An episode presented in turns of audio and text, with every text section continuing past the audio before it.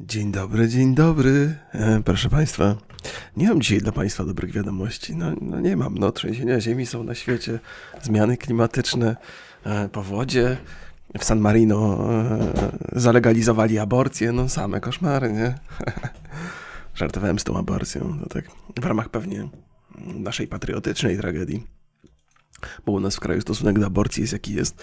Ja mam jedną tylko taką myśl, nie będę się wypowiadał za bardzo na ten temat, bo to szerokie jest i dużo można podyskutować i wiele mądrych argumentów powiedzieć. Natomiast moje zdanie jest takie, że gdyby to faceci zachodzili w ciążę, to problemu aborcji by nie było w ogóle. W sensie nikt by facetowi nie powiedział, co może robić ze swoim ciałem, a co nie. Serio, nie ma nowe życie, kiedy się zaczyna, kiedy się kończy, nie. To nie ma absolutnie żadnej opcji, że, że gdyby to faceci zachodzili w ciążę, to byśmy mieli temat aborcji. Nie byłoby. Nie, nie ma absolutnie opcji żadnej. Sobie nie wyobrażam sytuacji, że ktoś mi mówi, e, co mam robić ze swoim ciałem. Od razu bym chwyciłbym karabin i bym strzelał. I myślę, że większość facetów dokładnie tak samo myśli. Natomiast no, to jest, to jest, to jest, tak to już jest, tak to już jest. Drogie panie, musicie się wyzwolić spod tej męskiej kurateli. No, moim zdaniem. Ach. No widzicie, no to jest taki temat, który teoretycznie nie należałoby pozostawiać w tej postaci. Trzeba by było przedyskutować wszystkie za, wszystkie przeciw, punkt widzenia mężczyzny i tak dalej. Tak, ale kicham na to nie dzisiaj, proszę Państwa. Jak powiedziałem, nie mam dobrych wiadomości. Ale spokojnie, nie chcę Was straszyć. To są takie wiadomości, które może nie są dobre dla mnie, ale Wy się może pośmiejecie. Po pierwsze, muszę się napić kawy. Mogę dzisiaj trochę smarkać i trochę kaszleć. Przepraszam za to, to nie, nie robię tego specjalnie, albo też nie robię tego e, nieświadomie. Jestem świadom tego, niestety mój stan zdrowia jest taki, jaki jest i mogę Państwa pozostawić albo bez podcastu, albo e, jednak z podcastem, ale e, smarkającego i kaszlącego. Myślę, że ta druga opcja dla Państwa będzie, będzie lepsza. Dzisiaj jestem wyjątkowo seksowny. Żałujcie Państwo, że ja tego nie nagrywam gdzieś. Znaczy, nagrywam w formie wideo, ale bardzo rzadko wrzucam. Eee, nie możecie zobaczyć mojej seksowności dzisiaj. Eee, przede wszystkim mam straszną chrypę. Eee, może tego nie słychać, tak, bo już tak e, trochę ranek minął. Zrobiłem mojej córce śniadanie, byłem na zakupach, więc trochę się rozgrzałem ale głos mam no inny niż zazwyczaj. Może taki lubię taki głos mieć. Dobrze brzmi w moich uszach, bo nagrywając to słyszę siebie bardzo wyraźnie w odsłuchu. Myślę sobie, o kurde, jakbyś ty taki sexy był 20 lat temu, no to byłyby pewnie bardziej rozległe przygody i może nie miałbym rodziny dzisiaj. Bo wiecie jak to jest. Ja jestem bardzo rodzinnym facetem. Uwielbiam moją rodzinę, uwielbiam moją żonę. E, wszystko to się fantastycznie dzieje, ale to też jest tak, że e, jak byłem młody, to nie miałem wielkiego wyboru. Okej. Okay. Okej, okay. jednak e, jakkolwiek, jakikolwiek bym nie był, a na pewno byłem zawsze sympatyczny i miły, no to nie wzbudzałem wielkiego zainteresowania płci przepięknej. Moja żona była jedną z nielicznych ofiar mojego uroku, więc może to dobrze, że, że o mój Boże, może to dobrze, że nie miałem takiego sexy głosu wcześniej. Żartuję, to wszystko są żarty, proszę Państwa. Jak kiedyś Joe Rogan powiedział na swoim podcaście, y, ja, na, nie na swoim podcaście, tylko na swoim akurat stand-upie, ja Państwu zawsze powiem prawdę, chyba że kłamstwo jest zabawniejsze. To ja też staram się stosować taką zasadę. Oczywiście mam nadzieję, że za każdym razem, kiedy sięgam po ironię, jakiś sarkazm albo naciąganie faktów, to Państwo to widzą w sposób oczywisty. No. Przyjmijmy, że się trochę rozumiemy, żeśmy się już trochę poznali. Proszę Państwa, no jestem chory i to jest, to jest ta informacja, która jest zła dla mnie, ale może być zabawna dla Państwa. Oczywiście wiem, że mi kibicujecie i współczujecie i tak to się zazwyczaj robi wobec drugiej osoby, która jest w stanie chorym, ale, ale jest to śmieszne przede wszystkim dlatego, że cały czas z, z, taką dumą y, patrzyłem na swoje wyniki na wadze, na swoje osiągnięcia y, takie pseudosportowe i mówię, o teraz jestem silny, sprawny, już mnie żadna choroba nie dopadnie. I potem tydzień po tygodniu, najpierw ta grypa żołądkowa, teraz chyba, nie wiem, albo to jest jakieś zapalenie oskrzeli, albo coś, bo boli mnie gardło, ale nie boli mnie tak blisko twarzy, tylko niżej, gdzieś tam głębiej. Mam nadzieję, że to nie, nie płuca są czy coś. Jak kaszle, to kaszle tak, jakby mi coś miało się urwać w środku i e, i boli mnie strasznie. Jak sobie tak kaszlnę, to potem nawet z zewnątrz muszę przyciskać rękę do, do, do mostka, żeby złagodzić trochę ten ból. Okropne to jest doświadczenie. Ale jak mówię, o, o, o jak boli, o jak strasznie. Ale bawi mnie ta myśl, myślę sobie, bawi mnie ta myśl e, z karmą, która mi robi rzeczy takie nieprzyjemne. Karmo, droga, przepraszam za swoją zarozumiałość. Wiem, że powinienem był jednak mieć się na, e, jak to się mówi, powinienem, o Jezu, czasami tak mi wyleci, jak to się nazywa, idiom, nie? E, gdzieś, gdzieś zagubię. E, zagraniczne idiomy, czyli w języku angielskim często zapominam, a czasami w języku polskim. Mieć się na baczności. Mieć się na baczności. Ja nie wiem, czy to jest idiom, musiałbym to sprawdzić, a teraz mi się nie chce wertować. E, internetu akurat w poszukiwaniu takiego bardziej złożonego zapytania. Może jest to idiom, a może ja jestem idiotą. To bardzo brzmi podobnie, więc można się łatwo pomylić. Opowiadając historie przeróżne, oczywiście nie jestem jedyną osobą chorą w tym domu, bo pierwszy był mój syn, ale on prze, przebolał to jakoś e, w miarę szybko. E, I teraz trochę moja córka jest też chora i byliśmy w szpitalu wczoraj w nocy, to też, też Państwu opowiem. To nie nic takiego, nie, nie ma wielkich tragedii, ale, ale czasami wolimy dmuchać na zimne. Nie jesteśmy przesadnie opiekuńczy jako, znaczy nadopiekuńczy jako rodzice, ale jednak jak dziecko ma 39 stopni gorączki, to nie czekamy na następny dzień, tylko mamy tu w pobliżu szpital, wiemy, że jest izba przyjęć, że można wieczorem przyjechać, bo już raz mieliśmy taką sytuację i, i zupełnie spokojnie to się odbywa. Tym razem nie odbyło się spokojnie, ale to Państwu powiem za chwilę. Tymczasem, co u mnie, y, dochodzę do wniosku, że ta, te choroby, które mnie spotykają, to jest kara za to, że miałem za późno dzieci, że mam za późno dzieci. Oczywiście ten wiek e, rodzicielstwa się przesunął, tak delikatnie mówiąc, co najmniej o 10 lat. Moja siostra miała swojego syna w wieku 21-22 lat. Ryszard Chojnowski, który był gościem u nas na podcaście. Pozdrawiam bardzo serdecznie. Też go zapytałem o to. Miał, urodził mu się syn, kiedy miał 26 lat. On już jest z tego pokolenia o 10 lat, trochę tak w granicach 10 lat y, starszego ode mnie, więc u niego było to przesunięcie o 5 lat najwyraźniej a może jeszcze nie było tego przesunięcia. U mnie już jest tak, że, że 30 to jest dobry wiek do posiadania dzieci i mój syn faktycznie urodził się, kiedy miałem 30 lat. Moja córka urodziła się, kiedy miałem 40 lat. E, i myślę sobie, że te wszystkie choroby, które dzieci przynoszą ze szkoły, ze, ze, szkół i w ogóle z otoczenia, to jak człowiek jest młodszy o 10 lat, to dużo łatwiej je przechodzi. A jak już jest starym dziadem i ma 40 parę lat, e, przepraszam wszystkich 40-parolatków, wiem, że czujecie się bardzo młodo, ja też się czuję super młodo, wręcz niewiarygodnie młodo się czuję, ale nasz organizm już mówi, ej, okej, okay, może ty masz dobre samopoczucie, ale halo, 44 lata, to ja już, ja już trochę się napracowałem, już tutaj tryby nie wszystkie działają tak, jakby chciały. Więc myślę sobie, że okej, okay, może społecznościowo yy, jesteśmy już e, o te 10 lat do przodu, dłużej jesteśmy dziećmi, dłużej jesteśmy młodzi, dłużej, dłużej chcemy się cieszyć wolnością i zająć się pracą na początku, po skończeniu szkoły. I jest to argument, którego trudno podważyć. Natomiast yy, dzieci niosą ze sobą różne dodatkowe obowiązki i rozterki i ma to swoją cenę że potem człowiek gorzej może znosi choroby, a może nie. To jest taka teoria wymyślona na prędce wczoraj pod prysznicem, a ja uwielbiam pod prysznicem teorię wymyślać, no bo cóż też można robić pod prysznicem ciekawszego. Pewnie można, ale to już nie będę Państwu podpowiadał. No, kąpiel jest na przykład bardzo udana. O właśnie, a propos kąpieli, przypominam Państwu, że e, współpracuję z taką cudowną marką, która się nazywa Rarecraft. E, pisze się rarecraft.pl, mają stronę i są fantastyczne kosmetyki, mydła i już opowiadałem o tym ostatnio, to chciałem tak tylko, wiem, że to jest taka trochę przerwa reklamowa, ale to są, to są super rzeczy.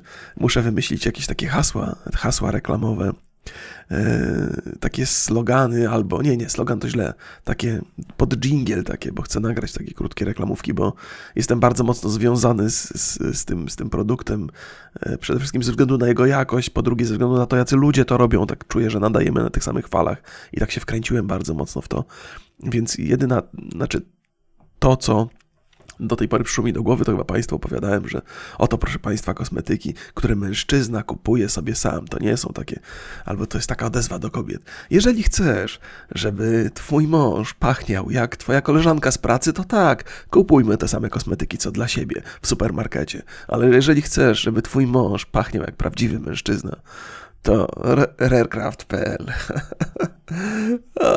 I to jest taki, taki pierwszy, nie? Albo, i, I wokół tego, niestety wokół tego cały czas moje pomysły się kręcą. Że do tej pory kosmetyki kupowała ci mama, a teraz pozwalasz, żeby kosmetyki kupowała ci żona, a kiedy wreszcie zostaniesz prawdziwym mężczyzną i zaczniesz dbać o siebie sam? I to jest drugi slogan w tym stylu.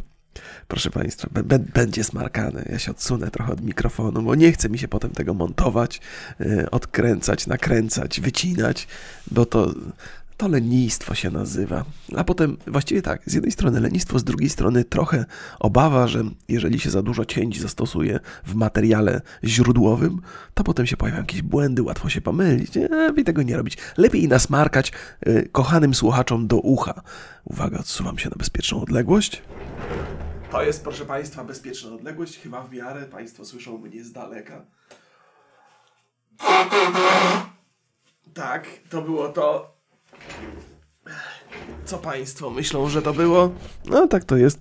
Y, macie przynajmniej takie poczucie, że to, proszę, domowa sytuacja, domowe warunki, nie jakieś radio że gościu siedzi i nagrywa i poci się, żeby tylko mu z nosa nie pociekło, albo żeby nie kaszlał. No jest, proszę Państwa, ja jestem prawie jak w jadalni swojej, pomijając fakt, że jestem w swoim biurze, ale kawkę popijam.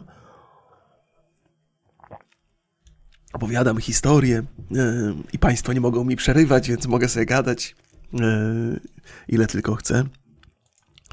Chciałbym, żeby moja żona mnie słuchała tak, jak Państwo mnie słuchają. nie śmieć się, nie śmieć się. Nie śmiać się. Ja, ja, się nie mogę śmiać, bo to się źle kończy. Gdzie są moje notatki? Wczoraj sobie ściągnąłem iClouda na Windowsa i słabo to działa, jednak dużo lepiej wygląda iCloud w, dużo lepiej iCloud wygląda w Chromie po prostu i tyle. On ten iCloud mój osobisty zaczął ściągać. No nie, no hasło nieprawidłowe, pościu drogi. Jak to nieprawidłowe? Okej, okay, muszę wpisać hasło. Tak, mi się hasło do Apple'a zmieniło. W ogóle miałem ostatnio takie, proszę Państwa, przeboje z kontami, to Państwu powiem.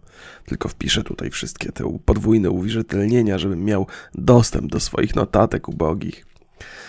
Eee, no to widzę, że dwie historie mam Państwu do opowiedzenia. Tak? Na to wygląda, na to wygląda. Po pierwsze z tym szpitalem wczoraj. Moja córka w ciekawym stanie się znalazła. W sensie takim, że miała bardzo wysoką gorączkę, bo 39 stopni, ale była bardzo radosna. My dajemy jej leki na obniżenie gorączki, to w ogóle nie działa. Cały czas jej rośnie ta gorączka tak do 39 stopni. Yy, I mówię, no dobra, no to nie ma co kombinować, bo nie wiadomo kiedy to się zatrzyma, jedziemy do, do szpitala. A jak mówię, mamy to już trochę obcykane i się okazuje, że to wokół tego nie ma z reguły jakichś wielkich e, zabiegów. Po prostu jest taka specjalna nocna izba przyjęć, nikogo tam nigdy nie ma. Wystarczy zadzwonić, jest numer telefonu podany, dzwoni się po lekarza i lekarz mówi: Dobrze, proszę wjechać tutaj windą, e, będę na Państwa czekał albo będę na Państwa czekała. E, I szybko się załatwia te sprawy. Dużo łatwiej, szczerze mówiąc, w nocy tego lekarza ogarnąć niż w ciągu dnia, bo w ciągu dnia są tłumy chorych ludzi, więc z wielu, wielu względów te nocne wizyty nie są takie głupie, pomijając fakt, że trzeba wstać, ubrać i człowiek w nocy ma inne pomysły na spędzanie czasu. No ale jak się ma dzieci, to w ogóle się nie bierze pod uwagę własnych osobistych niewygód, jeżeli, jeżeli zdrowie dziecka jest zagrożone. Nie? To nawet nie zaprząta uwagi, więc nie jest także kłopotliwe przesadnie. No i pojechaliśmy wczoraj do. najpierw wykąpałem jeszcze córkę, e, bo taka chłodna kąpiel, nie, nie zimna, chłodna taka, powiedzmy letnia woda, od razu jej obniżyła temperaturę do 36, 36,6 i to był taki ciekawy, e, że, że jak leżała, to aż takich drgawek dostawała, że było, miała gorączkę, ale było jej zimno, ale jak się tylko rozbudziła, to zaraz jest super aktywna, uśmiechnięta, mimo że ma gorączkę, to nie widać tego po niej. To jest taka, musi być jakaś taka nietypowa choroba, że, że nie, nie jest ani ospała, ani, ani e, nie ma humoru. Wszystko jest w należytym porządku, tylko jest wysoka gorączka, ma takie oczy podkrążone, takie szkliste. To widać, zresztą to lekarz potwierdził. Ja w podobnym stanie zresztą jestem, więc podejrzewam, że mamy podobne choroby. Ja miałem wczoraj 37,6, co w przypadku mężczyzny jest zabójczą wręcz gorączką. Tak jak wszystkie panie nie wiedzą do tej pory, e, bo panowie doskonale sobie zdają sprawę, męska śmiertelna gorączka to jest powyżej 37,1. Moja żona się śmieje, że to jest stan podgorączkowy. Ja mówię, no wiesz co, co za bezczelność. Co za bezczelność. Więc y, mam takie, ja muszę się przesiąść na, na, na hipochondrię wyższych rzędów, bo mam wrażenie, że moja żona nienależycie martwi się o moje zdrowie. Ona przyzwyczaiła się do tego, że ja nawet jak choruję, to w zasadzie nic się nie dzieje i funkcjonuję bez, bez większych problemów. Jedynym wyjątkiem była ta grupa, gru, grypa żołądkowa. Więc z jednej strony jest to nobilitujące, że żona się nie przejmuje moimi chorobami, bo wie, że ja jestem w pełni sprawny, nieważne co by się działo. Fajnie, ale z drugiej mogę z dumą o tym opowiadać, się chwalić na podcaście że jestem twardym facetem z tego pokolenia, co się bronę ciągnęło samodzielnie, a nie końmi.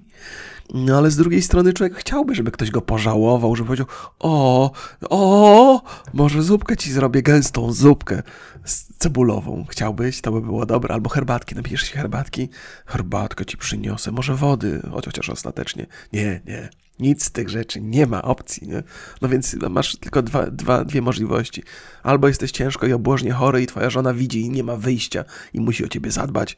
Albo jesteś, udajesz bohatera twardziela i no niestety nikt się nad tobą nie pochyli, ale jest na szczęście moja córa. Moja córa zawsze przyjdzie do mnie i powie, jesteś chory, tato? No, i, no jestem.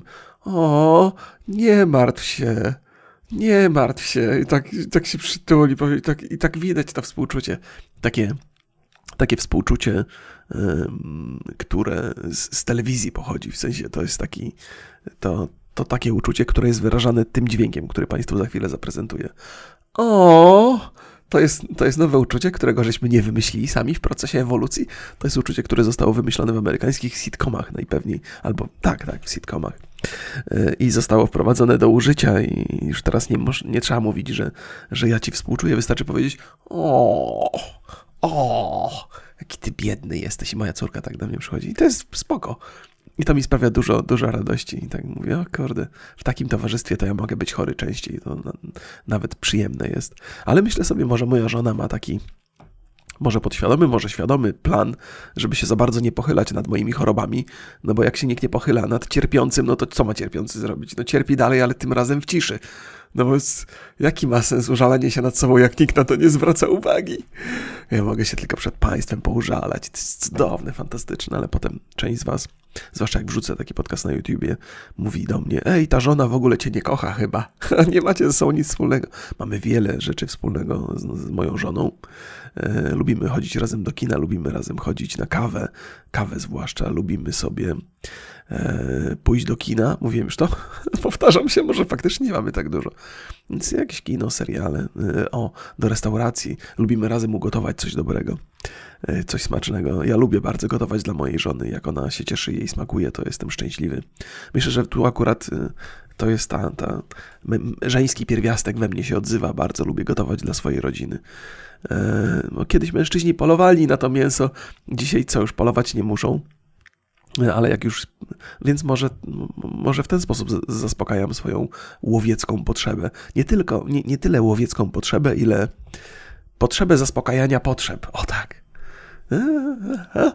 Musimy mieć sobie coś pierwotnego. Proszę Państwa, musimy mieć sobie coś pierwotnego. Ja nie wiem, czy Państwo wiedzą, ale ostatni y, wśród Azteków był zwyczaj poświęcania ludzi w świątyniach. Nie? To, to jest human sacrifice po angielsku. Jak to jest po polsku?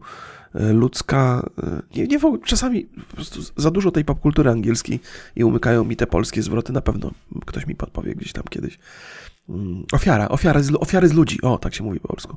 Ofiary z ludzi. I chciałbym Państwu powiedzieć, że rok 2021 jest 500 roczną, 500-letnią rocznicą ostatnich ofiar yy,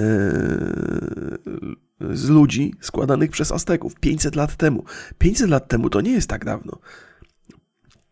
500 lat temu to jest niedawno.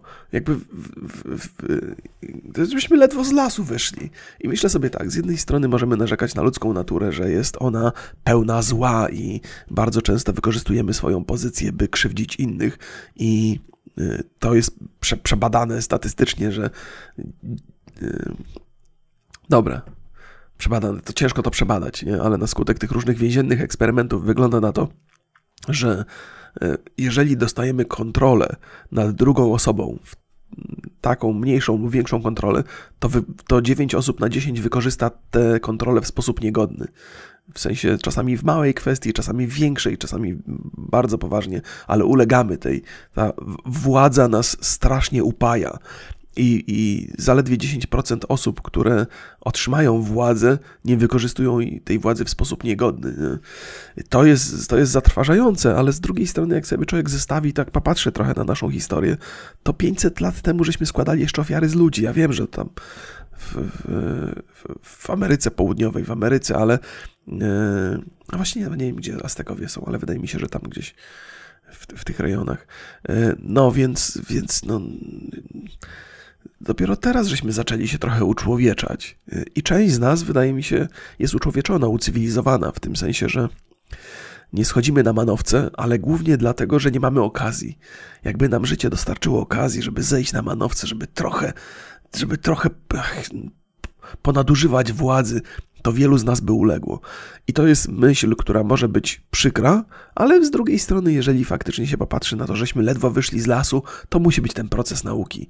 Yy, I mam nadzieję, że nasza cywilizacja przetrwa na tyle długo, byśmy ten proces nauki mogli, byśmy mieli czas, bo to wymaga, wymaga czasu jeżeli będziemy się tak rozwijali. Może za 100 lat tylko 5 osób na 10 będzie nadużywało władzy, może za 200 tylko 3 na 10, a może za 500 tylko 1 na 10 albo wcale. Ale to wymaga czasu. Dzisiaj natomiast można się pochylać nad naturą ludzką i narzekać na nią i mielibyśmy dużo, dużo racji, ale krzepiące jest to, że następuje jakiś postęp. Bo chyba następuje, nie? No, ale z drugiej strony, jak się patrzy na, na talibów, którzy zabraniają e, goli brodom w Afganistanie przycinać brody w specyficzny sposób, bo grozi za to kara śmierci, to myślisz sobie, ja pierdolę, przepraszam, wyrwało mi się, e, że, że jakby w niektórych miejscach na Ziemi poziom zidiocenia, już, już nawet nie, nie o to chodzi, że, że poczucie władzy tak, tak upaja do tego stopnia, że robimy rzeczy głupie, ale ktoś jest w stanie uwierzyć, że przycinanie brody w określony sposób kłóci się z jakąś ideologią religijną, bo, bo to jest dokładnie tak, że, że to się, przycinanie brody kłóci się z, z, z ideami religijnymi talibów. I ja nie wiem, na ile rozległy jest to temat i jak bardzo jest dużo wskazówek w tej ich ideologii na temat strzyżenia tej brody, ale no na, na miłość boską, nie? W sensie, że jest grupa ludzi, którzy mówią sobie tak, siedzą sobie przy ognisku, jedzą sobie mięso, czy coś tam sobie jedzą i mówią: No, no, to faktycznie on źle przyciął brodę, trzeba go, trzeba go zabić. Zdecydowanie tak, zgadzamy się z tą myślą. E, nie, nie, nie ma innej opcji. To jest dobry pomysł. I już to żeśmy się od, od, to nawet George Carlin mówił, że od setek lat zabijamy się tak naprawdę z tego powodu, kto jaką czapkę nosi. Albo czy ktoś nosi czapkę w kościele, albo czy nie nosi, albo... I to jest prawda, to jest e, stopień ogłupienia ludzi i w ogóle głupoty ciągle jest taki, że, że, że można sobie dać wmówić, że zabicie drugiego człowieka z takiego powodu jest uzasadnione. I są ludzie, którzy w to wierzą, którzy uważają, tak, jak najbardziej, ma to sens. Są ludzie, którzy potrafią posługiwać się słownikiem, językiem. No, nie wszyscy potrafią pisać pewnie, ale, ale no, nie? można by oczekiwać od nich jakichś tam standardów, ale nie, nie, nie, nie. I to nie jest tak daleko też wcale. Nie tak daleko się to odbywa od nas, proszę Państwa. Też święci nie jesteśmy. Zresztą o czym ja mówię? O czym ja mówię? Każdy kraj, w którym marihuana jest nielegalna, to jest kraj kretynów rządzący, rządzący, rządzony przez jeszcze większych kretynów. No, S serio. Jakby, no... Okej, okay, ciekawy temat. Się, przeszedłem. Widzę, że tu ja Proszę Państwa, chciałbym zauważyć, proszę nie traktować moich słów poważnie, proszę mnie nie zamykać w więźniu. 37,6 stopni gorączki to w moim przypadku jest prawie śmiertelna gorączka, więc mogę bredzić i, i, i majaczyć. Ale tak gdzieś w głębi duszy uważam, że serio, no. 2021 rok, marihuana jest nielegalna z powodów e, czysto partyjnych jakichś takich, żeby... No bo wiadomo, że są masa durnych ludzi, którzy chodzą do wyborów i i oni mówią, marihuana jest zła. No nie, no, och. każdy, kto tak myśli, moim zdaniem, y, ale może powinienem być bardziej otwarty na, na inne, zawsze to powtarzam, że trzeba być otwartym na, na inne wizje i nieważne, czy coś jest faktycznie szkodliwe, czy nie, wystarczy, że ktoś wierzy, że jest szkodliwe, żeby się źle z tym czuć, nie? Ale no nawet mi to nie wchodzi. O, rany boskie. Chyba kiedyś nagrałem takiego vloga, że marihuana powinna być nielegalna, bo, bo nie mam zaufania do ludzi. I to było głupie, byłem głupi wtedy. Nie, niewiele bardziej głupi niż dzisiaj, ale trochę głupszy byłem. E, I chyba nawet to usunąłem później. Ale to też się nie spotkało z jakimś super negatywnym przyjęciem, bo zakładam, że ubrałem to w jakieś e, uzasadnione może myśli. Boże. Moja żona, moja żona pasjami odkurza. Od czasu, jak jej kupiłem odkurzacz bezprzewodowy, to mam wrażenie, że odkurza nawet jak nie trzeba. Muszę jej wypytać o to dokładnie. E, Alexa, e, drop in Echo Kitchen. Okay, dropping in. Aga! Odsunę mikrofon, żeby...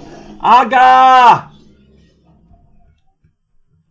Aga! Kochani, ja teraz nagrywam podcast. Możesz trochę, możesz poczekać? Czy to może poczekać to? No, poz pozdrawiam, całusy. Alexa, drop out. Jaka nowoczesność. Jaka nowoczesność, proszę Państwa. Ja nie wiem, czy wy żeście w ogóle słyszeli to odkurzenie, czy nie. Yy, ale ja, jak myślę, że Państwo słyszą, to się od razu dekoncentruję. Więc wracając, cały czas jesteśmy z moją córką w szpitalu przecież. Od tego zacząłem tą moją historię. Co tu się wydarzyło po drodze? Że ja tak zbłądziłem szkaradnie. No więc... Yy, więc okazuje się, że to ambulatorium to chyba jest takie... To, jest w nocy izba przyjęć, w dzień to pełni funkcję ambulatorium. Nie wiem, co znaczy ambulatorium dokładnie, zaraz sobie sprawdzę, ale okazało się, że nie było tam lekarza, ponieważ był chory. Mm. Musieliśmy iść do innego, do oddziału pediatrycznego, który w nocy jest normalnie zamknięty, ale w związku z tym, że, e, że nie było lekarza w tej izbie przyjęć takiej, to a, dobrze mówię, ambulatorium miejsce pomocy doraźnej. E, ambulatoria mogą znajdować się przy izbach przyjęć szpitali, w pogotowiu ratunkowym czy, czy w przychodniach poradniach lekarskich. E, no i w tej, w tym, w tej, w tym, na tym wydziale pediatrycznym nas przyjęli, ale dwie babki nas e, przyjęły i strasznie walczyły o to, żeby nas odesłać do innego szpitala. A chociaż ten, w którym byliśmy, akurat jest dokładnie w naszym rejonie. I jaką mamy gwarancję, że pojedziemy do drugiego szpitala i tam akurat będzie lekarz? Jak, jak bardzo absurdalne jest to, że nie ma lekarza, bo jest chory. I, i, I, dwie babki, jedna była taka w miarę sympatyczna, ale druga, taka młodsza, tak się ordynarnie zachowywała, taka była wredna, taka, ja, ja rozumiem, że my im dostarczamy dodatkowej pracy, nie? że pewnie lekarz jest zmęczony po obchodzie, no, bo tam pełen szpital, tak mówiły przynajmniej te babki, jest i lekarz zmęczony jest i, i tak dalej, no ale co, co co, no, co, jakie to ma znaczenie dla rodzica, który przyjechał z chorym dzieckiem, z 39-stopniową gorączką? Jakie to ma znaczenie, że lekarz jest zmęczony? W sensie, jakby, e, no to nie, nie jest coś, co można logicznie wytłumaczyć. Wie pani co? No, nie możemy dzisiaj, rozumie pani naszą sytuację. Tak samo jak, jak ten lekarz jest zmęczony, tak samo ta matka jest zdesperowana. Tutaj zderzają się dwa dwa ekstrema i tu, tu nie ma zmiłuj się ani z jednej, ani z drugiej strony. Chociaż z drugiej strony jest, bo lekarz przyszedł i w ogóle e, zbadał naszą córkę i nie robił wokół tego żadnego zamieszania. Nie, nie widziałem jakiejś nawet, nawet złego słowa nie powiedział, nie? No ale rozumiem też, że te pielęgniarki, przynajmniej jedna z nich, to stanowią taki bastion, że mają tych lekarzy chronić i trochę dbać o nich, żeby, żeby ludzie się nie narzucali. No ale no ale to się, nie, no się jakby rozumiem, rozumiem, że, że no tu dochodzi do zderzenia takich, e, jak to się mówi? unmovable force, czyli siła, do której się nie da, nie, nie da się uniknąć. To jest, czyli moja żona, szarżująca przychodnie, ok? E, ja trochę łagodniej do tego podchodzę, tym bardziej, że miałem takie, mam takie być może błędne poczucie, że jak moja córka jest aktywna, rozmawia, śmieje się, to mimo tej wysokiej gorączki, to jesteśmy w stanie to kontrolować, ale no, ale tam lekarz przyszedł, przebadał. E, jutro też idziemy do swojego lekarza i więc, więc sprawa jest pod kontrolą. No ale, ale ta wizyta w tym, w tym szpitalu była nieprzyjemna. Raz z racji tego, że lekarza nie ma, dwa z racji tego, że być może będziemy odsyłani w różne inne miejsca, trzy z racji tego, że, że, że kobiety, które nas przyjmowały, no takie były. No, niektórzy ludzie nie powinni pracować z innymi ludźmi. Powinni, nie wiem, zanosić lekarstwa albo dawkować lekarstwa, tak trzymać ich z daleka od ludzi, bo się do tego nie nadają. Nie każdy, kto się w służbie zdrowia znalazł, no, nadaje się do kontaktu z innymi ludźmi. No, sorry, to tak to jest w każdej branży. No, mamy takie charaktery. Czasami dobrze z innymi ludźmi sobie radzimy, a czasami nie. Jak sobie nie radzimy, no to szukamy takiej, takiej gałęzi w naszej ulubionej dziedzinie, yy, która, która pozwala nam unikać kontaktów. No. W ogóle jest kwestie służby zdrowia, nie służby, to jest teraz nie służba, to zostało zmienione. Yy, nie służba zdrowia, tylko jak to zaraz zobaczę, jak to wpisie, to bo to jest ciekawa zmiana. Na co służba zdrowia została przemianowana. Nie wiem, czy to nie jest zbyt skomplikowane. Służba Narodowa, system ochrony zdrowia? Ochrona zdrowia chyba. No, więc... Służba, ochrona czy opieka. No, że, że tak, że to nie należy tego traktować jako służbę, bo służba ma trochę negatywne konotacje. Ale czy aby na pewno? się zastanawiam, że to jednak z perspektywy lekarza to powinna być służba.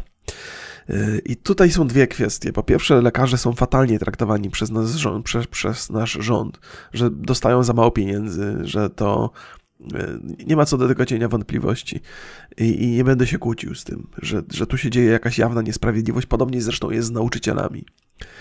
E, jako że to nie są takie dużo, duże grupy, o które warto dbać, ponieważ oni nawet jak głosują, to nie ma większego znaczenia i wpływu na wybory, więc lepiej zadbać teoretycznie o pacjentów, dając im 500, plus, niż o lekarzy, dając im 1500. Plus, nie? No to, mimo, że byłoby taniej, no to się bardziej, no wiecie, jak jest. Bardziej się dba o masy niż o jednostki, mimo to, że te jednostki chyba są najważniejsze, bo to jednostki. To jest ciekawa w ogóle idea trzeba by się zastanawiać nad tym, w jaki sposób politycy myślą i od, oczywiście to jest zależne też od tego, jaki kraj jest, jacy są ludzie, bo w jednym kraju jak ktoś nam da jakiś pieniądz, to zaczniemy sobie zadawać pytanie, hej, hej, a co ty chcesz kupić za ten pieniądz, który nam dałeś? A w innym kraju ludzie dostaną pieniądz i powiedzą, o, fajnie, mam pieniądz. I tyle, nie? Więc, więc yy, takie podejście do, do, do narodu no jest zależne od tego, jaki ten naród jest, więc ja nie, nie mam tutaj jakichś przesadnych złudzeń. Dobrze jest dostawać 500 plus i to pomaga w wielu miejscach, ale mam takie poczucie, że, że przeniesienie tych pieniędzy w inne miejsca mogłoby być bardziej sensowne, ale z drugiej strony te inne miejsca też mają swoje problemy, bo tam jest bardzo dużo dziur, te pieniądze wyciekają, to jest chyba jeszcze większy problem. Nie, nie na tym, że tych pieniędzy nie ma, polega ten problem, tylko na tym, że, że można ładować po prostu łopatami te pieniądze, one i tak znikają w jakiś niesamowity sposób. Jest dużo, dużo jest no więc to, to jest dużo zmiennych. Trzeba, trzeba by nad tym posiedzieć i popracować. A po co pracować, jak można ludziom trochę rozdać i, i mieć pewność wyborczą jakąś tam? No nie wiem. E, oczywiście, że to wszystko krytykuję, ale krytykuję z racji tego, że polityków nie cierpię e, całym swoim jestestwem. Więc niezależnie od tego, jacy są, jakie mają pomysły, to ja ich zawsze poddaję w wątpliwość ale trzeba by siedzieć bliżej tego, żeby to oceniać. Mam wrażenie, że no nie działa to dobrze, Trudno temu zaprzeczyć, ale może żyjemy w takim kraju, w takich warunkach, wśród takich ludzi, że się nie da lepiej. Wszystko jest możliwe, a może się da. Mniejsza z tym, no nie chcę tutaj. Już się wdałem w jakąś taką wewnętrzną, wewnętrzny monolog, dyskusję, wewnętrzną pol polemikę, nie? Bo polemika to wymaga dwóch osób, ale być może dwa punkty widzenia mogą się ścierać i to można nazwać polemiką. Czy to byłby monolog?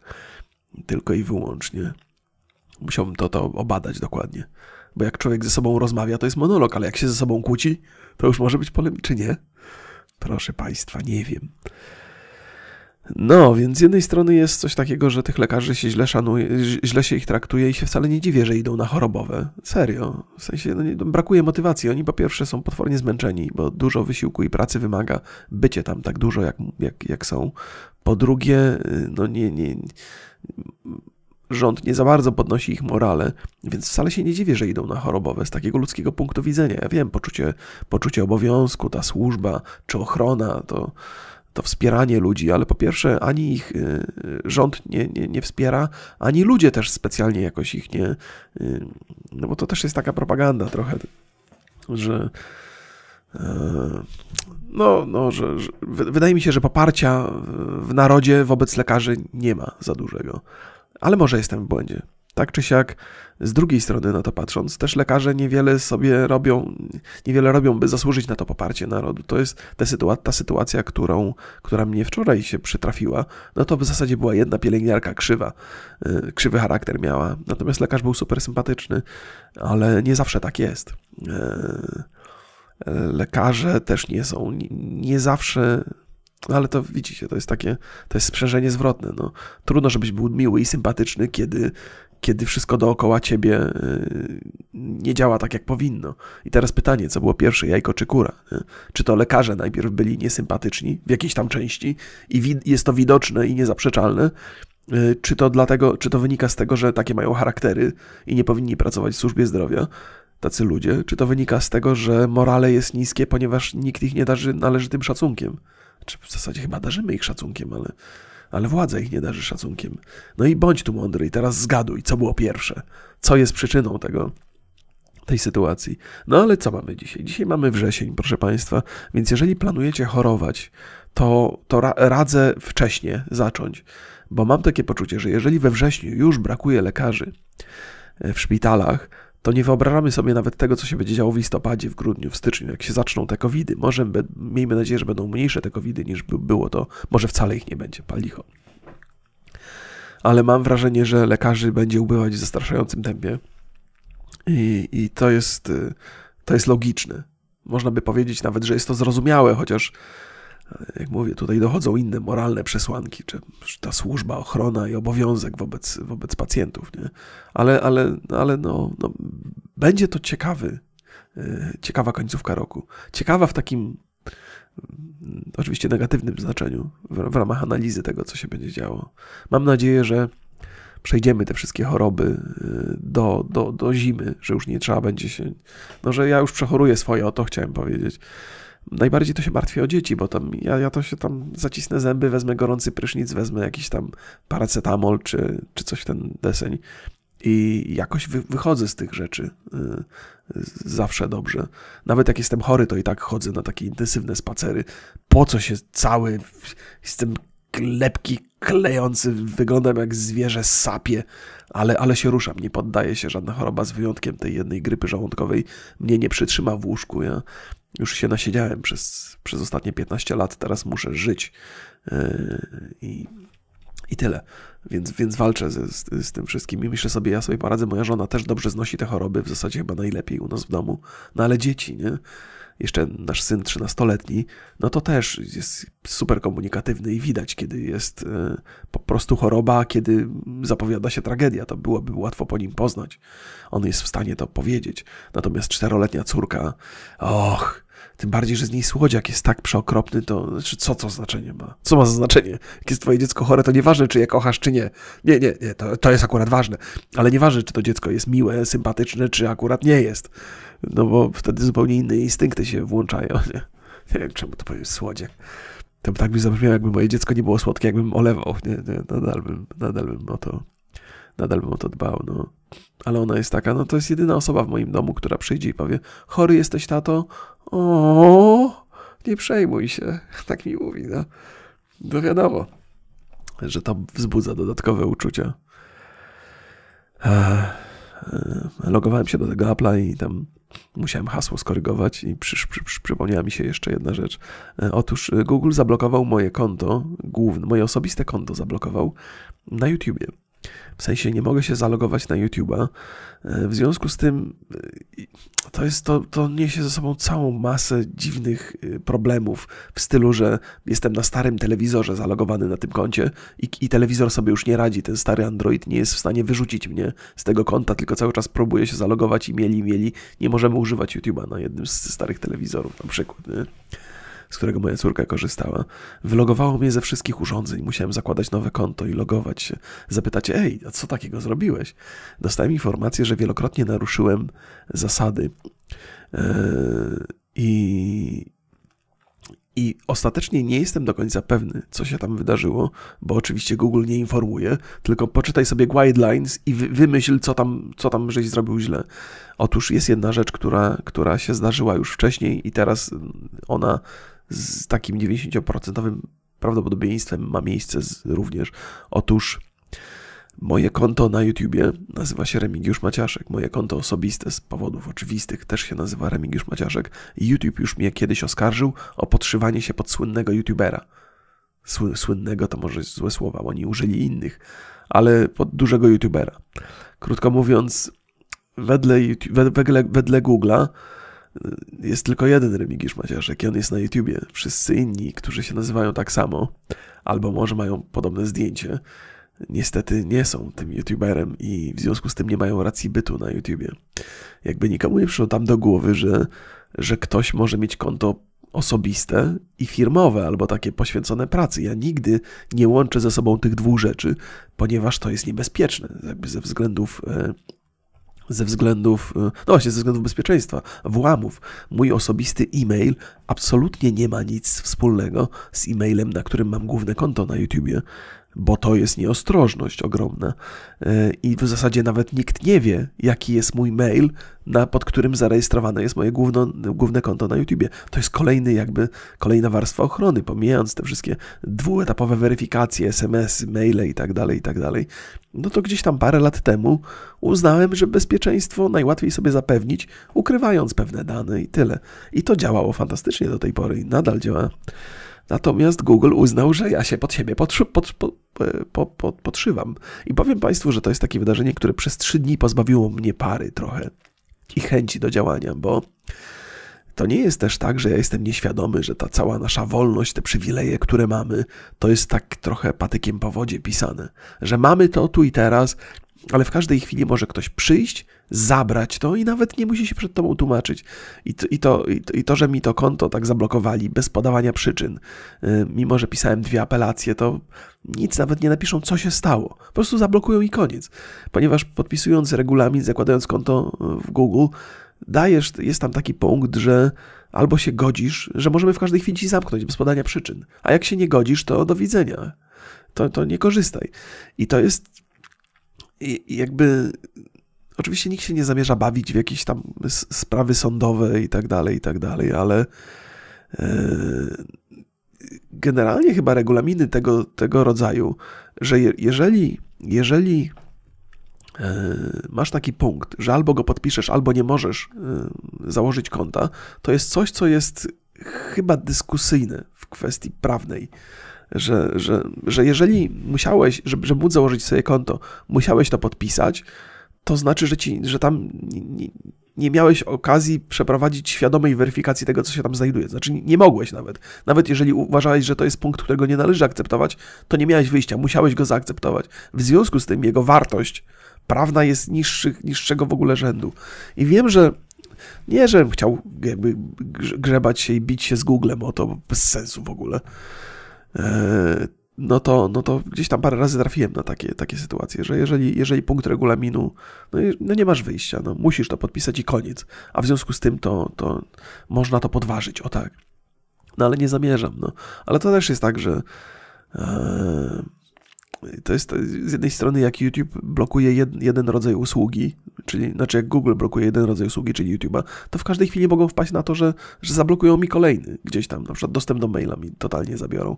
I czy wtedy człowiek jest udopiony, bo większość kont w różnych innych usługach jest zarejestrowanych pod konkretnego maila. Jeżeli teraz nie masz dostępu do tego maila, to już potem nie odzyskasz hasła w kolejnych, kolejnych miejscach.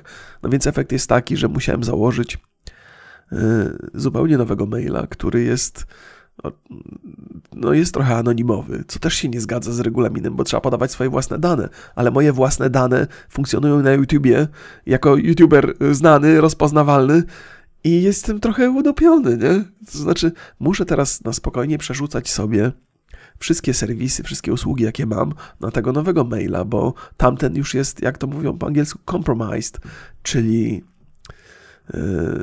yy, zachodzi obawa taka, że że w każdej chwili może się z nim coś stać takiego. Skoro już się stało bez żadnego uzasadnienia, no to kto wie, co się stanie. No i teraz wyobraźcie sobie Państwo, że to jest, taki, to jest taka sytuacja, że, że normalny użytkownik internetu, każdemu się to może przytrafić. To jest tak, jakby piorun was walnął. E, przypadki się zdarzają. I nie macie żadnej obrony przed tym, totalnie, nic. Macie wrażenie, że coś jest wasze i wokół tego budujecie całą tą swoją infrastrukturę różnych serwisów i haseł i tak dalej. I ktoś wam to zabiera, bo, bo tak, pomoże. No nie jest przyjemna sytuacja, nie? Jedyne, co mnie uratowało w tym wszystkim, to to, że, że, że wiedziałem, że takie rzeczy mogą się zdarzać w internecie i sobie zakładałem, y, jakby każde, mój, każde moje konto na YouTubie jest obsługiwane przez inny mail. To jest... Y, to, to, no bez tego byłbym dzisiaj już w ciężkiej dupie, no, w ciemnej dupie, przepraszam bardzo, dzisiaj wulgarny jestem, no, bo gdyby to był, no nie, niewiarygodny po prostu niewiarygodne. I nawet gdzieś tam puściłem w ruch swoje znajomości googlowskie i te, i te e, sieci partnerskie. Na razie nic, zero. Nie są w stanie nic zrobić. Jest niewiarygodne. To też jest tak, że to nie jest tak, że jakiś człowiek usiadł sobie nade mną i powiedział, o ten Maciaszek, to można mu zrobić psikusa, zróbmy mu żarcik. Nie, to po prostu jakiś algorytm pewnie, który ściga e, podszywanie się wyczaił, że zdjęcie jest podobne, ten sam facet jest, no to tak, te same dane, no to blokujemy, blokujemy to konto, które ma mniejszą wartość z perspektywy YouTube'a. I wydaje mi się, że to jest mocne nadużycie. To znaczy, jeżeli już faktycznie dyskutujemy e, opcję podszywania się pod kogoś, no to chyba najważniejsze jest, jeżeli zainteresowany zgłosi tego typu sytuacje. Jeżeli ja zgłaszam, że ktoś się pode mnie podszywa, no to oni blokują to konto z automatu. I okej, okay, i to ma sens, nie?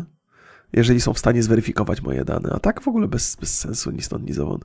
W ogóle zabawne jest też to, że na YouTubie były konta, które się podszywały pode mnie w sposób ordynarny i ja nie mogłem ich zablokować. Znaczy zgłaszałem i w ogóle nie było efektu. Na, na, na, na Facebooku to samo. Czyli jak ja... Co będę Państwu opowiadał? No, cały czas podkreślam to, co powiedziałem na początku. Te wszystkie wolności, prawa, przywileje, które mamy, to są patykiem po wodzie pisane. I miejmy nadzieję, że tego szlak nie trafi gdzieś po drodze, bo potem przyjdą tutaj tacy kolejni mądrzy i będą wam mówili, że jak źle obetnicie brody, albo za bardzo skrócicie włosy, albo, albo przefarbujecie, albo zrobicie sobie tatuaż, to wam głowę odstrzelą. To jest jeszcze, to jest jeden z argumentów, dla których sobie nie robię tatuażu. Znaczy, mam wielką ochotę sobie zrobić tatuaż, e, ale jestem świadom tego, że w każdej chwili, ja wiem, że to jest taka katastroficzna wizja, ale naprawdę ludzie potrafią być na tyle bezmyślni, że wystarczy, że znajdzie się ktoś, kto powie, że e, człowiek z tatuażem, z nim coś jest nie tak, żeby ludzie, którzy mają tatuaże, byli co najmniej, nie wiem, poddani ostracyzmowi albo wręcz prześladowani. To jest tylko, tylko kwestia jednego sygnału gdzieś tam z góry. I są ludzie, którzy w to uwierzą. Że, że to jak Natanek opowiadał chyba, to Natanek, że tatuaże, że tatuaże to są, to, to, że to jest jakieś diabelskie, piekielne coś. I wiecie, jak się trochę posypie nam cywilizacja, mam nadzieję oczywiście, że nie, bo to jest chyba najlepszy moment w historii, żeby sobie żyć. Pewnie są lepsze miejsca na ziemi niż, niż ale mimo to jest, to jest dobry moment w historii. No. E, niezależnie jak wam jest źle, to 100 lat temu w tych samych warunkach byłoby trochę gorzej. E, I no ale to, to ta, ta, ta nasza dzikość, ta, ta bezmyślność jest bardzo, bardzo blisko e, w nas. To nie jest tak, że trzeba głęboko szukać. Więc trzeba liczyć, trzeba trzymać, trzymać kciuki, by ta telewizja trwa, tfu, by ta cywilizacja trwała i żebyśmy się trochę zmieniali, rozwijali, byśmy mieli czas, by się ulepszyć, bo jak nie dostaniemy tego czasu, to, to dupa. Tak czy inaczej, zapobiegliwie tatuażu na razie nie robię. Powiedziałem dzisiaj mojej żonie, że jak będę miał 60 lat, to sobie zrobię tatuaż. Bo jak będę miał 60 lat, to już mi będzie obojętne, czy mnie ktoś tam potem potraktuje źle. Poza tym będzie zabawne patrzeć na tatuażystę, który się męczy ze starą, kurde, słoniową skórą. mm. Tak jest. Hmm. Tak jest. No to powiedziałem Państwu dwie historie i tak nam czas zszedł trochę. A jeszcze mam inny. Przecież po to właśnie sobie otworzyłem swojego cudownego iClouda, żeby zobaczyć, co mam za notatki. Och, och, ale jak mnie ktoś widzi, jeżeli chyba nikt mnie nie widzi, bo nie wrzucam tego na YouTube'a, jestem tak totalnie katastroficznie prześwietlony, że sobie nawet nie wyobrażacie. iCloud ma białe tło i mi, och, po prostu wyglądam jak człowiek słońce. Pojawiły się nowe trailery, trailery yy, nowych rzeczy na Netflixie i to jest oczywiście, taki był chyba, yy, oni robią takie show, yy, jak to jest popularne w internecie, jak PlayStation robi, Microsoft robi, a teraz Netflix też robi, mają taki swój kon i, i pokazują takie różne rzeczy, tam jakieś trailery Wiedźmina i, i tak dalej, i tak dalej, ale jeden z moich ulubionych motywów to jest Cowboy Bebop. E, państwo kojarzą w ogóle to chyba dla fanów anime albo mangi jest coś, co jest bardzo znane i, i, i lubiane, to jest wręcz jakieś dzieło kultowe. To nie jest coś, co ja nie jestem fanem tych azjatyckich rzeczy, w ogóle do mnie nie, nie trafiają. Próbowałem różnych z drobnymi, bardzo drobnymi wyjątkami, nie kupuję tego zupełnie.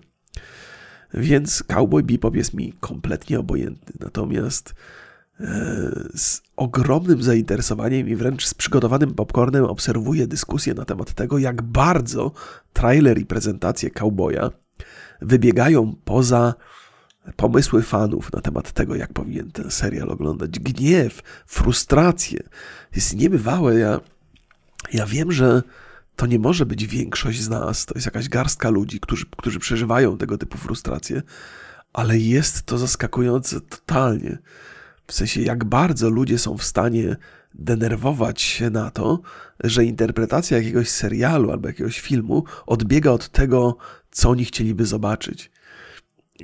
Już sięgając po taki najprostszy punkt tego wszystkiego, to reżyser, scenarzysta, scenografia to też jest interpretacja czyjaś. To znaczy, ktoś, kto dostał w ręce ten serial, to on nie ma za zadanie, chociaż może ma w dzisiejszych czasach, ale jego zadanie nie polega na tym, by zaspokoić gusta innych ludzi. Jego zadanie polega na zinterpretowaniu tego, zrobieniu tego wedle własnej idei. On jest oczywiście grillowany na początku, jak widzisz ten serial, co chcesz z nim zrobić, co chcesz pokazać, co chcesz zmienić odnośnie y, oryginału. To jest tam pewnie y, jakoś brane pod uwagę, nie? ale ostatecznie to jest, nawet jeżeli serial jest gówniany, bo takie się też zdarzają oczywiście, to nadal jest to jakaś wizja artystyczna i jest sobie jakiś twórca i on ma, i on widzi tak, on tak tego cowboya, cowboya e, zapamiętał, on tak, tak działa to w jego wyobraźni, to, to jest jego, e, e, jego interpretacja. A ludzie, którzy oglądają to, oni by chcieli, żeby, żeby wszyscy interpretowali ten serial dokładnie tak, jak im się wymarzyło. Tak jak, już pomijając fakt, że każdy inaczej to widzi trochę, więc tam nie, nie, jest, nie jest tak, że, że da się zaspokoić gusta większości. Absolutnie nie, nie ma mowy zupełnie. Ale brak poszanowania dla, dla cudzej interpretacji jest chyba czymś takim, co trochę charakteryzuje dzisiejszą cywilizację. O, skończyła się bateria w sławkach, żebym tylko nie zapomniał. Fajną, fajną mam myśl w związku z tym. To proszę Państwa, jest ciekawa kwestia. Też ostatnio miałem okazję posłuchać e, jednego z podcastów Joe Rogana. Ja też słucham go regularnie, bo lubię te, te wywiady, lubię często ludzi, z którymi rozmawia. E, fajne są, fajne są tematy, one odbiegają bardzo od takich. On to też nie chciał, on, on jest bardzo, bardzo jest. E, nie chcę teraz o Joe Roganie opowiadać E, wydaje mi się, że jest bardzo sprawiedliwy e, w, w, w tym, w jaki sposób e, traktuje swoich gości i daje im się wypowiedzieć i że dobrze to robi. Nie bez powodu się cieszy powodzeniem. Oczywiście można powiedzieć, że on tak skręca trochę w prawo, być może, znaczy właściwie, że, że bardziej jest konserwatystą, a już sama uwaga tego typu nastraja e, różne grupy dosyć bojowo, nie? Więc, więc to jest tak, ale to jest, ja sympatyzuję bardzo. Nie ze wszystkim się zgadzam, ale z większością rzeczy się zgadzam, które mówi. E, do, do niektórych idei jego musiałbym się albo przekonać, albo tak czy inaczej. On fajną rzecz powiedział ostatnio i myślę, że powtarzał ją wiele razy, że, że za bardzo przywiązujemy się do idei, że, że, że, że zaczynamy o, tracić, yy,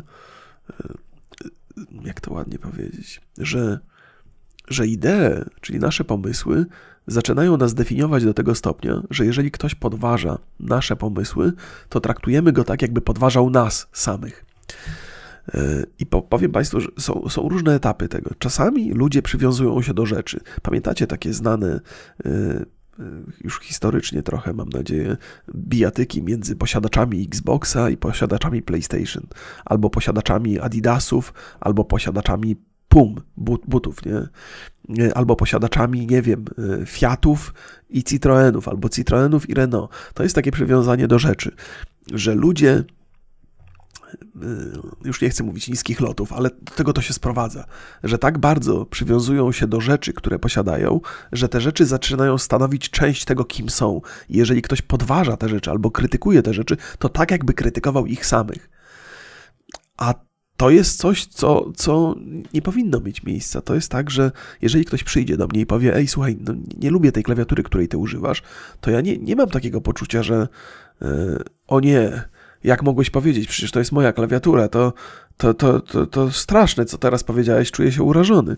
Jeżeli mi powie, nie lubię tej klawiatury, bo na przykład klawisze ma za niskie, albo nie ma klawiszy numerycznych, to mi nie pasuje. Mówię, okej, okay, no spoko, mi, mi akurat pasuje, ty pewnie używasz innej klawiatury i normalna rozmowa na ten temat. Jesteśmy przyzwyczajeni do tego, żeby drobne rzeczy nie traktować tak super y, y, osobiście, że one nie stanowią część tego, kim jesteśmy. E, jak ktoś przyjdzie do was i powie, że macie brzydki dom, to odbieracie to bardzo osobiście, bo dom staje się częścią was i ciężko się od tego odłączyć. Ale generalnie mamy taki, potrafimy rozróżnić, co jest częścią nas, a co jest takim dodatkiem, który w zasadzie nas jakoś specjalnie nie, nie, nie jest dla nas istotny. E, I z wiekiem i być może z przyrostem rozumu zaczynamy więcej takich rzeczy od, odłączać od siebie, że to samochód mnie nie definiuje, nawet dom mnie nie, nie definiuje, e, to co posiadam, to w co się ubieram, mnie nie definiuje, komuś się może podobać, nie musi się podobać e, i powinniśmy się z tym godzić i powinno być to bardzo naturalne, natomiast bardzo dużo osób niezwykle osobiście to traktuje. I jeszcze jak sprawa dotyczy rzeczy, to pół biedy, ale jak sprawa dotyczy ideologii, e, pomysłów, wizji tego, jak wygląda świat, to, to jest jeszcze gorzej. Jeżeli ktoś podważa takie banalne kwestie związane z tym, w jaki sposób postrzegamy świat, to odbieramy to tak, jakby nas atakował osobiście. A tak nie może być. My jesteśmy sobą i to jest, i to jest coś, nad czym powinniśmy się najbardziej skupić. To, kim jesteśmy, to, co nam sprawia przyjemność, to, w jaki sposób możemy ulepszać siebie, jak możemy poprawić swoje otoczenie, budować ten świat w sposób korzystny dla nas. Pomysły różne, wizje, które nie zawsze są nasze, na przykład e, ideologie polityczne, nie powinny być tak traktowane, jakby były częścią nas. Nie możemy doprowadzić do takiej sytuacji, że to staje się częścią naszej osobowości i podważanie tego krzywdzi nas, rani nas. To, to, jest, to, jest, taki, to jest taki moment graniczny, w którym musimy powiedzieć stop. Jeżeli mamy jakąś ideę, jeżeli mamy jakąś ideologię, jeżeli jest jakaś myśl i ktoś się z tą myślą nie zgadza i nas to osobiście boli, wkurza i wścieka, to znaczy, że coś jest nie tak, że żeśmy poszli za daleko, że przestajemy. To jest taka, taka jest też takie powiedzenie, że e, to nie ludzie posiadają ideę, tylko idee posiadają ludzi. Więc w obliczu tego wszystkiego, o czym opowiadałem dzisiaj, jesteśmy bardzo mocno narażeni na to, że nasza wolność jest czysto pozorna, więc nie dajmy się zniewalać jeszcze bardziej e, ideą. E, E, no i tak jest, tak, i, i, to sięga aż tak daleko, że jeżeli mamy, pojawia się jakiś serial, e, z którego interpretacją się nie zgadzamy, to ludzie się wściekają, dostają kurwicy w tym internecie. Rzeczy piszą okropne e, i, i nie czują, że to już jest, jeszcze, jeszcze dalej to poszło, bo jeszcze rozumiem przywiązanie do rzeczy. Rozumiem przywiązanie do ideologii, do pomysłów, ale przywiązanie do naszej interpretacji jakiejś kreskówki i to wywołuje tak silne emocje? Do czego będziemy się przywiązywali jeszcze? Jaki jest kolejny krok? Znaczy, jak dalece można pójść, by definiowały nas rzeczy totalnie z nami niezwiązane? Że jeżeli masz tyle rzeczy, które stanowią część Twojej osobowości, to gdzie, gdzie Ty jesteś w tym wszystkim? Nagle się może okazać, że jak zabierzemy człowiekowi e, tego cowboya bipopa, zabierzemy mu ideologię jakąś polityczną, jakąś wizję świata, zabierzemy mu przedmioty, to, to nic nie zostało. To została roślina, którą można posadzić w ogródku, albo gość, którym, którego można posadzić na krześle w zamkniętym pokoju bez klamek, bo on więcej nic w sobie nie ma. poza tymi rzeczami, które go tak definiowały bardzo, że wszystko, na, naruszanie jakiejkolwiek z tych rzeczy wzbudzało tak gigantyczne frustracje. Ja też miałem takie. E, miałem takie dosyć brutalne dyskusje, muszę przyznać, w czasie dyskusji na temat gry o Tron. Bo ja zaakceptowałem zakończenie gry o Tron dokładnie na takiej samej, na takiej zasadzie, że jakby ten serial był mi bliski, z wielką przyjemnością go oglądałem, ale rozumiem, że twórcy uznali takie zakończenie za właściwe. I oczywiście można powiedzieć, czy dobrą robotę wykonali, czy złą, czy poszli na łatwiznę, czy już się znudzili tym i chcieli to szybko zamknąć. Jest mnóstwo różnych, różnych sytuacji, które. Różno, jest wiele kątów e, pod którymi można ich krytykować. I to jest jak najbardziej uzasadnione. Ale z mojej perspektywy dostaliśmy to, co dostaliśmy, i ja nie zajmuję się za bardzo tym, co by było, gdyby oni się bardziej postarali, tylko zajmuję się tym, co się wydarzyło w tym serialu, czy to jest dla mnie zrozumiałe, czy wydarzyło się to trochę za szybko, e, czy, czy, czy, za wolno, to już sobie pozostawiam. Okej, okay, stało się to, co się stało. Ludzie postępują w dziwny sposób. Czasami człowiek, który buduje się przez całe życie, ma określone normy i wartości i jest, e, jest e, nie zaskakuje, jak to się, jak to się mówi, że nie to, że nie potrafi zaskoczyć, bo pewnie potrafi, to jest część każdego z nas, ale że jest przewidywalny. I nagle ten człowiek robi coś totalnie z dupy, coś totalnie innego, coś, co zupełnie do niego nie pasuje. Kompletnie wychodzi poza jego osobowość, kompletnie wychodzi poza to, z czym żeśmy się pogodzili, co było dla nas zrozumiałe. I kiedy w serialu takim jak Gra o Tron dzieje się coś takiego z jednym z bohaterów, to ja też uznaję to jako kaprys ludzkiej natury. To nie jest tak, że my musimy zbudować charakter od początku do końca i on w 100% musi być spójny. Właśnie to tworzy człowieka, ta, ta nieprzewidywalność, ta niespójność, to, że do pewnego momentu pewne ideały są dla nas najważniejszą rzeczą na świecie, a nagle trafia się coś takiego, nie wiem, może śmierć bliskiej osoby, może jakaś tragedia, może coś, co żeśmy zobaczyli, że wszystkie te ideały wywalamy do kosza i mamy moment szaleństwa i ten moment szaleństwa definiuje nasze życie potem już dalej. I to jest coś, co się może zdarzyć normalnie w naszym życiu. Mamy skłonności autodestrukcyjne. Ktoś, kto buduje sobie coś w pracy, w życiu, potrafi z dnia na dzień to wszystko zrujnować.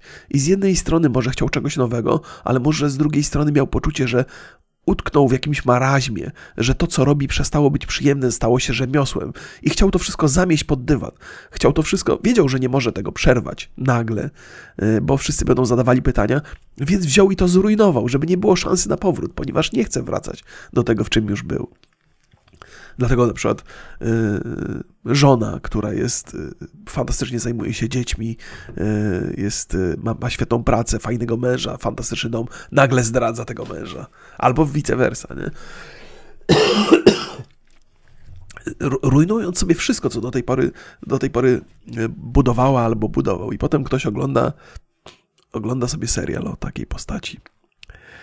E, która jest, jest, jest przewidywalna przez całe życie, jest bardzo przyjemny serial. I nagle ona to wszystko, ta postać, wszystko psuje, niszczy, yy, miesza z błotem. I ktoś oglądający ten serial mówi: Ej, ale halo, przecież ta postać, kurde, chyba twórcy tego serialu chcieli już skończyć, chcieli przyspieszyć. Yy, w ogóle nie zapowiadała się ta zmiana osobowości. No, na tym to polega. No, ludzka natura jest nieprzewidywalna. Serio jest nieprzewidywalna. I czasami pewnie to, to się, żeby było wszystko jasne, w grze o Tron pewnie to się nie odbyło z premedytacją i wszyscy, którzy twierdzą, że twórcy tego serialu chcieli już sobie, już mieli, byli zmęczeni, co też jest uzasadnione swoją drogą. Byli zmęczeni i poszli na łatwiznę. Pewnie mają rację ci, nie? Ale to jest kwestia tego, w jaki sposób podchodzisz. Nigdy nie będzie to wzbudzało moich frustracji, bo takie rzeczy się zdarzają. Tak jak bohater serialu może totalnie dać dupy, tak twórca serialu może totalnie dać dupy. To są rzeczy, które się dzieją. I to jest część ludzkiej natury. Jeżeli oglądamy sobie nawet taka, taka gra o tron, to jest nadal opowieść o ludziach. A ludzie robią rzeczy dziwne czasami. I tą myślą Państwa pozdrawiam. Dziękuję za uwagę. Mam nadzieję, że usłyszymy się w niedalekiej przyszłości. Trzymajcie się. Pa, pa.